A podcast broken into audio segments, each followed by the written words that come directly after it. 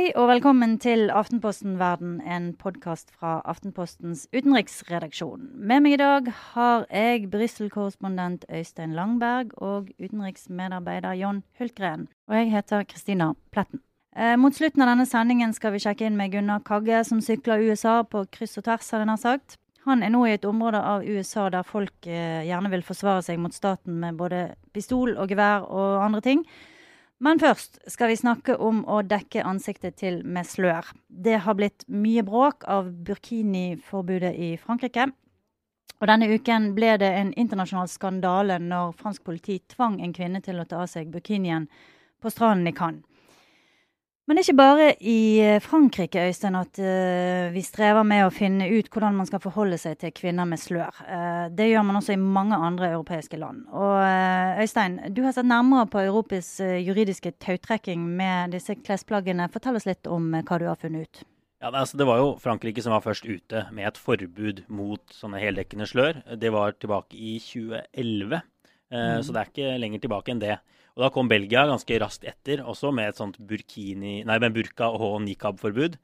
Og siden har land etter land fulgt etter. Nå har man et, et, forbud i Nederland. Det går ikke like langt som det franske. De har jo for, forbud, forbud, mot burka og nikab eh, i alle offentlige rom. Mm. Mens Nederland har litt mer restriksjoner på det. Mm. Og det er også byer i Spania som har fulgt, fulgt etter. Det er en by i Italia som har fulgt etter, og det er en kanton i Sveits som har fulgt etter. Og på toppen av det her så er det en rekke land som nå jobber med forslag om å innføre lignende forbud. Ja, og et av de landene er Tyskland. Og den tyske innenriksministeren Thomas de Messier um, har sagt at å vise ansiktet ditt er helt grunnleggende for folk som lever sammen i et samfunn. Uh, og han la da frem uh, forslag til å, å, forby, eller i hvert fall uh, begrense bruken av burka. Um, eh, nylig i forbindelse med antiterrortiltak. Og hva har egentlig ansiktslov med terror å gjøre, Øystein? Jeg tror det har ganske mye med terror å gjøre. fordi eh, når man skal innføre den type forbud, så må man jo da ha en, en, sak som kan gå og holde i rettssystemet, som ikke bryter med menneskerettigheter, som ikke er diskriminerende. Mm. Eh, og det viser seg vel at eh, de argumentene man bruker da, når man innfører forbud mot, mot burka nikab, går nettopp på det med at i det offentlige rom så må man kunne se hvem folk er. Folk mm. må, må, kunne identifisere seg. Um, John Hultgren, du har vært uh, tidligere Midtøsten-korrespondent, og du er litt opptatt av at uh, ordet burka er ganske upresist. Uh, fortell litt om disse forskjellige begrepene og hva de egentlig betyr. Ja, altså jeg tror et burkaforbud i Europa tror jeg er ganske lett å gjennomføre. for det er veldig få som egentlig bruker det. det er, burka er et plagg som egentlig er mest utbredt i Sentral-Asia. Mm. Jeg kjenner det kanskje mest fra Afghanistan og opp gjennom krigen der mer vanlig i, eh, i, Midtøsten, er jo, og som nå også da er blitt tatt med videre til Europa, er eh, det å dekke ansiktet på ulike måter. Eh, det mest vanlige da er vel den saudiarabiske klassikeren med nikab, som, mm. hvor man altså dekker ansiktet slik at det er bare øynene som syns. Mm. Mens en burka, da, hvordan ser den ut? Da er det en heldekkende uh, versjon. Det er egentlig ett plagg. Uh, en hel drakt hvor man har et gitter som er uh, der man ser igjennom. Man har ulike versjoner av det i nikaben òg, faktisk. Fordi noen bruker et slør foran ansiktet der også, mm. som man kan se gjennom. Men det vanligste er å ikke gjøre det. Mm. Og så er det noe som heter hijab. Det er det som man dekker hodet med. Ja. Eh, enkelt sagt. Mm. Og eh, hva er det som er mest eh, vanlig i Europa, eller man ser mest i, i, europeiske gater og muslimske bydeler og sånne ting? Er det hijaben det eller? Hijab er veldig utbredt, eh, også i Norge og i hele Europa, egentlig. Spesielt selvfølgelig i, i, byer som har en stor muslimsk befolkning. Mm. Men det å dekke hodet, det er jo en ting som vi tradisjonelt har gjort i Norge òg. Altså, kristendommen har vi jo hatt slør på hodet. Det er ikke det er egentlig ikke mer unormalt enn det. Uh, begrunnelsen for det er eh, egentlig litt uh, uklar. Eh, noen mener det er religiøst påbud, andre sier at det er det ikke. Så det får de krangle om, de som vil. Ja. Men Det er jo interessant å se med disse burka- og nikab-forbudene som kommer nå, eh, som jo har et eh, sikkerhetsbegrunnelse eh, for å få det gjennom. Mm. men f.eks. ta Estland og jeg tror det er Latvia, hvor det er anslått at det er, som nå jobber med sånne forbud, hvor det er anslått at det er noe sånt som tre stykker som mm. bruker, bruker, det. Mm. Uh, så det kan jo si noe om at det også kanskje ligger selvfølgelig andre ting bak forbudet, da. Men at det er sikkerhetsargumentene som gjelder Ja. eh, for å få det gjennom. Og for, ja. Ja. Hvilke andre ting tror du ligger bak? Nei, altså eh, landene, Hvis man ser på landene i Øst-Europa, så har de jo vært ekstremt skeptiske til, eh, til migrasjonsbølgen som har kommet fra Syria. Mm, mm, De har nekta å, å ta imot bare noen hundre, f.eks. mm. Så, så det er nok en mye større redsel for, ja, for folk med, med andre typer religioner. Ja. Eh, og det er nok også en begrunnelse for at de, dette kommer nå, selv om de har nesten ingen muslimer i Ja. disse landene. Og Øystein, du nevnte Frankrike, og at de var de første som kom med et sånt uh, forbud i 2011. Og det ble da klagd inn til Den europeiske menneskerettighetsdomstolen, som det heter. Ehm, og da brukte Frankrike nettopp to, eh, to argumenter, eller to liksom hovedlinjer i sin argumentasjon. Og Det ene var kultur og verdier i et eh, åpent samfunn, vestlig samfunn. Og det andre var sikkerhet. Um, Sånn at eh, Denne sikkerhetsargumentasjonen er jo kanskje ikke helt ny, men, men har den fått mer eh, prominens eh, nå de siste årene med terroren, med alle flyktningene osv.? Altså, jeg tror det er helt åpenbart. Eh, Mm. Det har nok vært det er også burka nikab har nok vært til stede i europeiske land ganske lenge, men denne, denne bølgen med forbud har jo kommet først nå. Og man Mm. ser jo også på dette burkini-forbudet som man forsøker å håndheve i, i Frankrike. Det Mm. kom jo etter terroren i NIS. Så det er jo helt åpenbart at dette er, dette er noe som drives frem av, av hendelser. mm, Um, og at politikerne ja, mm, innfører disse forbudene for å vise at, vise at de gjør noe. mm. Men eh, en sånn grunnleggende spørsmål i denne her diskusjonen har jo, har jo vært dette her med å, å, å i det offentlige rom, altså det at man skal vise ansiktet sitt i det offentlige rom. Og, og John, du har eh, vært mye i samfunn der halve befolkningen faktisk har hatt eh, ansiktet tildekket. Og hvordan opplevde du det som, eh, som en vestlig person? Det er jo litt spesielt. altså det er, det er jo annerledes å snakke med mennesker hvis du ikke kan uh, se ansiktet deres. Mm. Uh, samtidig så er det fascinerende å se, spesielt i Saudi-Arabia, vil jeg si, uh, hvor mye man gjør ut av det som da syns. Hvor veldig nitidig de er på å sminke øynene, f.eks. Ja. det er fascinerende. Mm. og så er det jo gøy å gå ut og spise, da.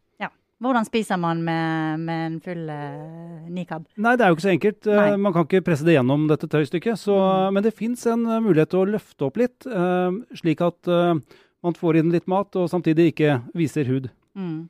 Og når, når kan kvinnene ta av seg dette, dette plagget? Det kan de gjøre hjemme, eller hvis de er i rom hvor det bare er kvinner, eller bare mannlige slektninger i tillegg til kvinner. Skjønner. Så de kan f.eks. ta det av seg eh, i en lukket eh, forsamling, selv om de ikke er hjemme i sitt eget hus? Altså Ja da, hvis det- et offentlig Hvis det er f.eks. bare kvinner til stede, så kan de gjøre det. Mm. Men uh, hvis det kommer menn inn, eh, hvor enn det måtte være, om det så er i deres eget hus, så må de ikle seg dette igjen. Hvis det Mm. ikke er nære mannlige slektninger. Øystein, eh, har du sett noe på eh, hvordan den offentlige debatten, eller hvordan responsen har vært på disse, både disse forslagene og, og disse forbudene rundt om i Europa? Altså, altså Burka-forbudet, Mm. nikab-forbudet, virker som det er ganske stor politisk støtte for. Uh, og ser det på Tyskland, så innføres det jo, eller det er foreslått fra Angela Merkels parti. Altså, dette er ikke Mm. noe, som, dette er ikke noe som, som kommer på en måte fra ytre høyre, egentlig. Selv om de selvfølgelig støtter, støtter disse forbudene. Så jeg tror uh, altså, i, I Frankrike har det f.eks. vært en veldig vanskelig debatt for en del feminister å finne ut hvilken side de skal falle ned på i, på i noen av disse debattene. For Mm. det handler jo også om frihet til å ha på seg hva man vil. Nei, altså jeg tror, tror generelt at responsen uh, og støtten til, til burka- og nikab-forbud er ganske stor i ganske mange europeiske land. Når man, når man ser på, på en måte, hva, folk, hva folk mener, og hvilke Mm. partier som gjennomfører dette Dette er Mm. ofte tverrpolitisk. I Tyskland er det f.eks. Angela Merkels parti som, som har tatt til orde for å, for å innføre dette. Så det er mye mer straight forward. Det er mye lettere også å gjennomføre, altså få støtte for i, i en rettssal.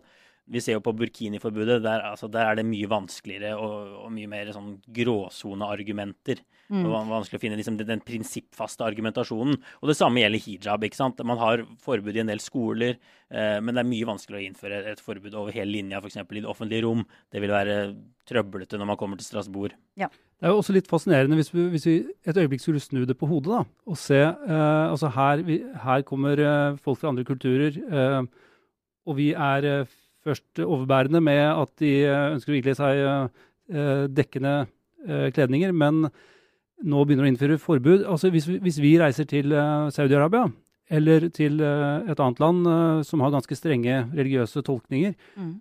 så er det ikke noe valg. Nei. Da må kvinner ikle seg det som er loven der i landet. Så det er jo altså vi, vi må jo kunne bestemme noe av hva vi ønsker å ha i det landet vi er, Mm. uh, samtidig som vi skal akseptere hva andre vil. Mm. Ja, for at du har gjerne også sett det, selv om, eh, selv om ikke du selv må dekke deg til, så har Men, du menn er jo heldigere sånn sett. Ja. Uh, menn i disse landene går jo gjerne også i heldekkende kledninger, altså de stasjer som det gjerne kalles, disse lange frakkene eller hva vi skal kalle det. Uh. Hvite som regel. Eh, men eh, for meg som eh, vestlig mann så behøver jeg ikke det. Nei. Eh, jeg behøver heller ikke dekke noe hår eller noe sånt noe, men eh, Mm. Alle kvinner må jo det. Også vestlige kvinner som kommer til uh, f.eks. Saudi-Arabia, må jo det. Mm. Og hvis kvinner, kvinner som kommer til Saudi-Arabia, må dessuten være i følge med en mann, er ikke det riktig? Ja, altså, eh, Det er jo slik i f.eks. Saudi-Arabia at eh, man, kvinner kan ikke gå ut alene. Eh, de må være i følge av eh, menn. Eh, det, der har jeg sett et par ganger selv, uh, f.eks. i Gullsoken i Riyadh, hvor eh, en liten guttunge kommer eh, spaserende og tilsynelatende helt uh, uten uh, noe spesielt å gjøre. Og det kommer en hel rekke med sort heldekkende kvinner bak ham.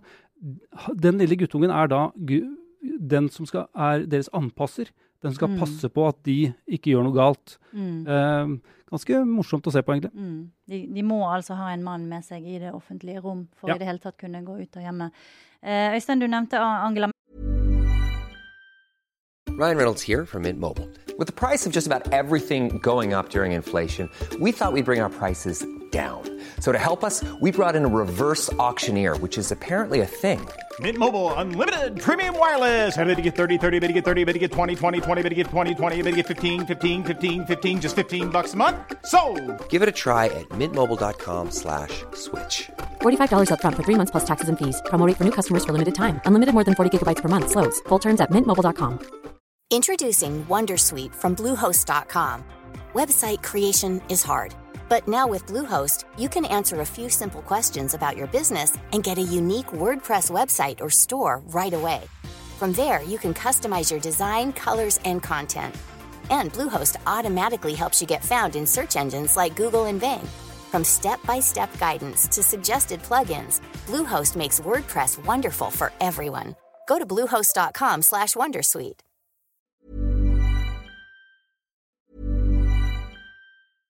Ryan Reynolds here from Mint Mobile. With the price of just about everything going up during inflation, we thought we'd bring our prices down.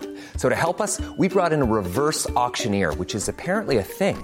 Mint Mobile unlimited premium wireless. Ready to get 30, 30, bit to get 30, bit to get 20, 20, 20, bit to get 20, 20, bit to get 15, 15, 15, 15 just 15 bucks a month. So, Give it a try at mintmobile.com slash switch.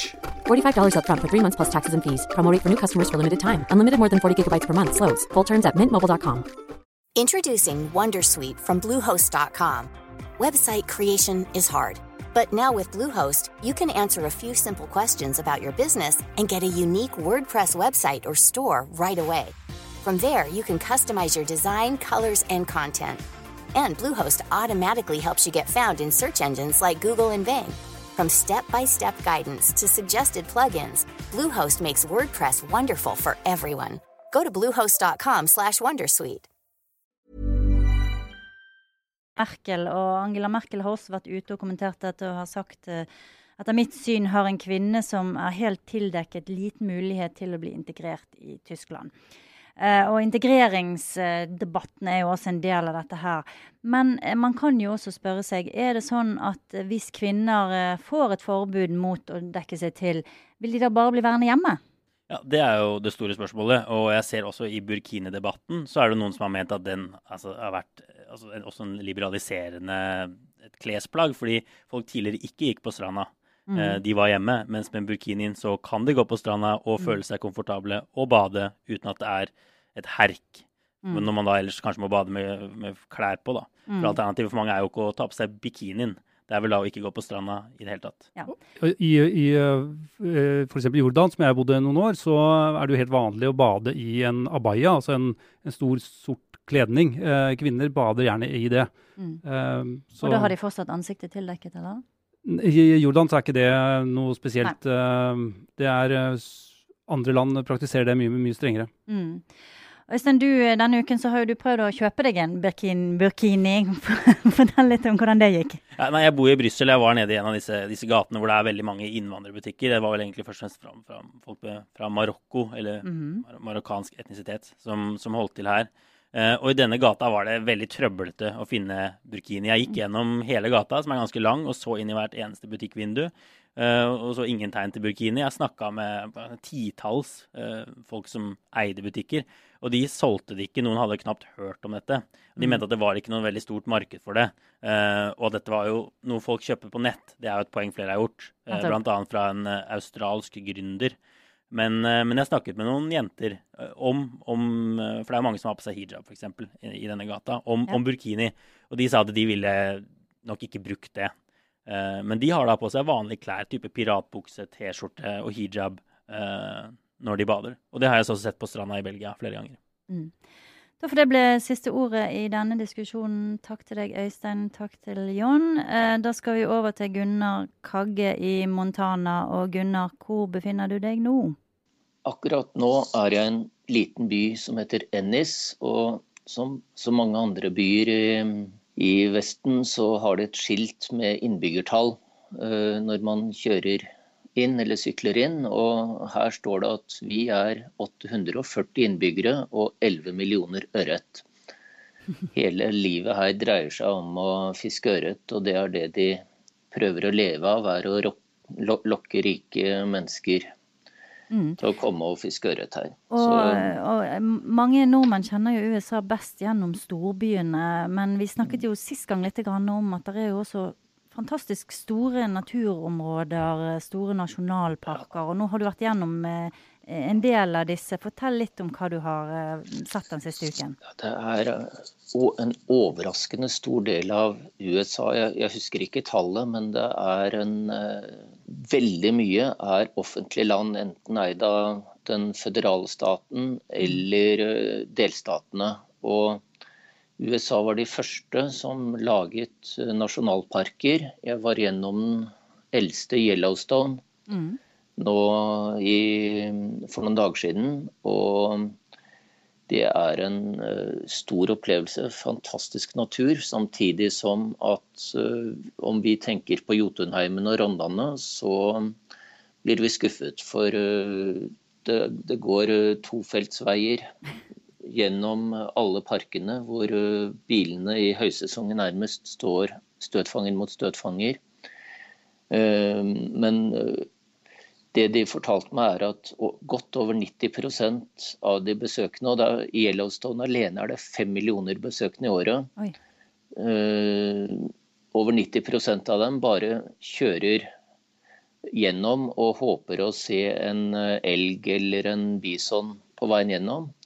Hvis du har med gode sko og parkerer så, og går i ti minutter, så hører du ikke bilene lenger, og du mm. ser ikke menneskene. Og faren eller sjansen for å se grizzlybjørn øker dramatisk. Det er, jo, eh, det er, jo, sånn at eh, det du beskriver nå, er jo litt sånn amerikanernes schizofrene forhold til natur. Ja. Fordi at eh, mange amerikanere er f.eks. opptatt av eh, jakt og fiske, men mm. samtidig så er de veldig veldig skeptiske til alt som har med naturvern å gjøre. Ja. Eh, de vil gjerne ha tilgang til alt um, i bilen sin. Mm. Um, og gjennom dette området så har de også vært Eller det har vært veldig mye dragkamp om en oljeledning, eller gassledning mm. som heter Keystone. Um, ja. Og dette har du uh, satt deg litt inn i, så fortell litt om den. Jo, ja, og som, som du sier, det, menneskene jeg treffer nå, er jegere og fiskere, mm. alle sammen. Det er mm. en viktig del av uh, grunnen til at de vil beholde våpnene sine her oppe. Og mm. de er kjempeopptatt og stolt av naturen sin. Sam, samtidig så er dette energiprodusenter som uh, Norge. Og her i Eh, østlige Montana er det planer om at denne Keystone XL-ledningen eh, skal gå gjennom ganske mange kommuner som vil få kjempeinntekter og håper å få mye arbeidsplasser ut av det. Um, og det er ikke tvil om at de jeg treffer her, de er, de er tilhengere av um, tilhengere av denne rørledningen alle sammen, og sinte på Obama, mm. som stanset den. Og, og, den skal altså gå fra Canada og helt ned til Mexicogolfen, ikke sant? Ja. Mm. ja, og da møte tidligere deler av denne Keystone underveis, sånn at det blir et kjempestort nasjonalt nett hvor de kan uh, frakte olje og gass. Mm.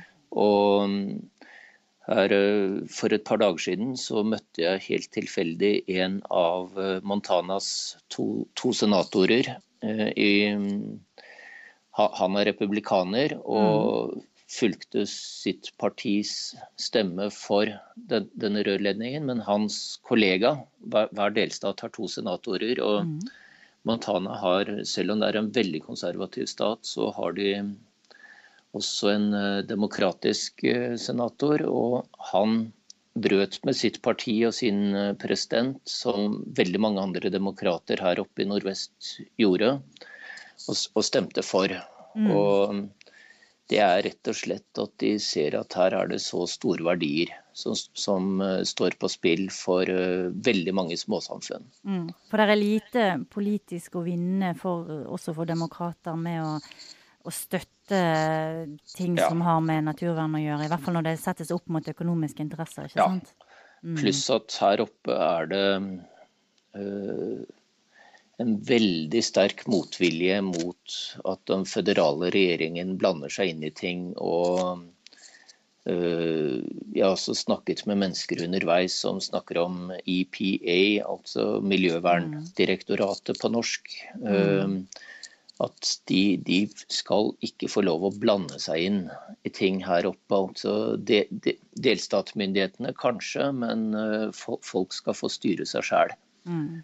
Eh, så, så, så, det er en del av den uh, antistatsbevegelsen også, at man, uh, man, mener at sånne ting, det må, det, det må lokalsamfunnene få bestemme selv. I Montana er det vel også en del ganske ekstremistiske grupper som ja. holder til. Noen av disse militia-gruppene har vel dette er, et, eh, det er en stor tilflytning her av eh, mennesker som eh, Noen av dem sier at de er på flukt fra regjeringens makt.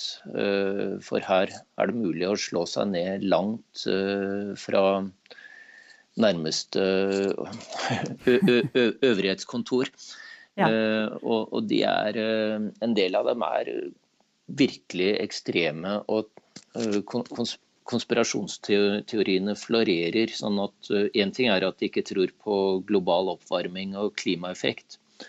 En annen ting er at de tror at FN eller Nato eller eh, de føderale myndighetene snart vil eh, invadere dem og ta fra dem friheten deres. Og mange er rett og slett tungt bevæpnet, og de driver med systemer for å koble seg fra det mm, store strømnettet og heller leve på egenprodusert energi, fordi at de, de stoler ikke på myndighetene. Og nå skal du eh, altså fra dette ganske ene ekstreme mm. delen av USA til en eh, veldig liberal eh, ja.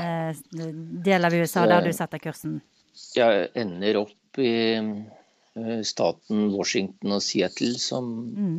igjen er det stikk motsatte. Som, eh, og det er noe av det morsomme med den turen, er at jeg har syklet gjennom den delen av USA vi i norske aviser så sjelden skriver om. Eh, vi skriver mest om kystene. og Økonomer f.eks. skiller mellom saltvanns- og ferskvannsøkonomer i USA. For mm. Og saltvannsøkonomene er eh, langs eh, Atlanterhavs- og stillehavskysten, og de aller fleste av dem tenker som europeere. Mens uh, i The Heartlands, som jeg har syklet gjennom, så er det en helt annen kultur. Og det, det har vært kjempemorsomt å både oppleve og fortelle om på både i Aftenposten og på Facebook-gruppen Sykkel-Gunnar. Gunnar Kagge i ferskvanns-USA på vei mot vestkysten. Eh, tusen takk skal du ha, og vi eh, hører igjen eh, hva du holder på med i neste uke. Det var altså denne ukens utgave av Aftenposten Verden. Jeg vil også oppfordre alle til å høre på den glitrende podkastserien vår, Johansen og Johansen. Det er altså vår Moskva-korrespondent Per Anders Johansen, som i samtale med sin far Jan Otto Johansen snakker om Russland før og nå.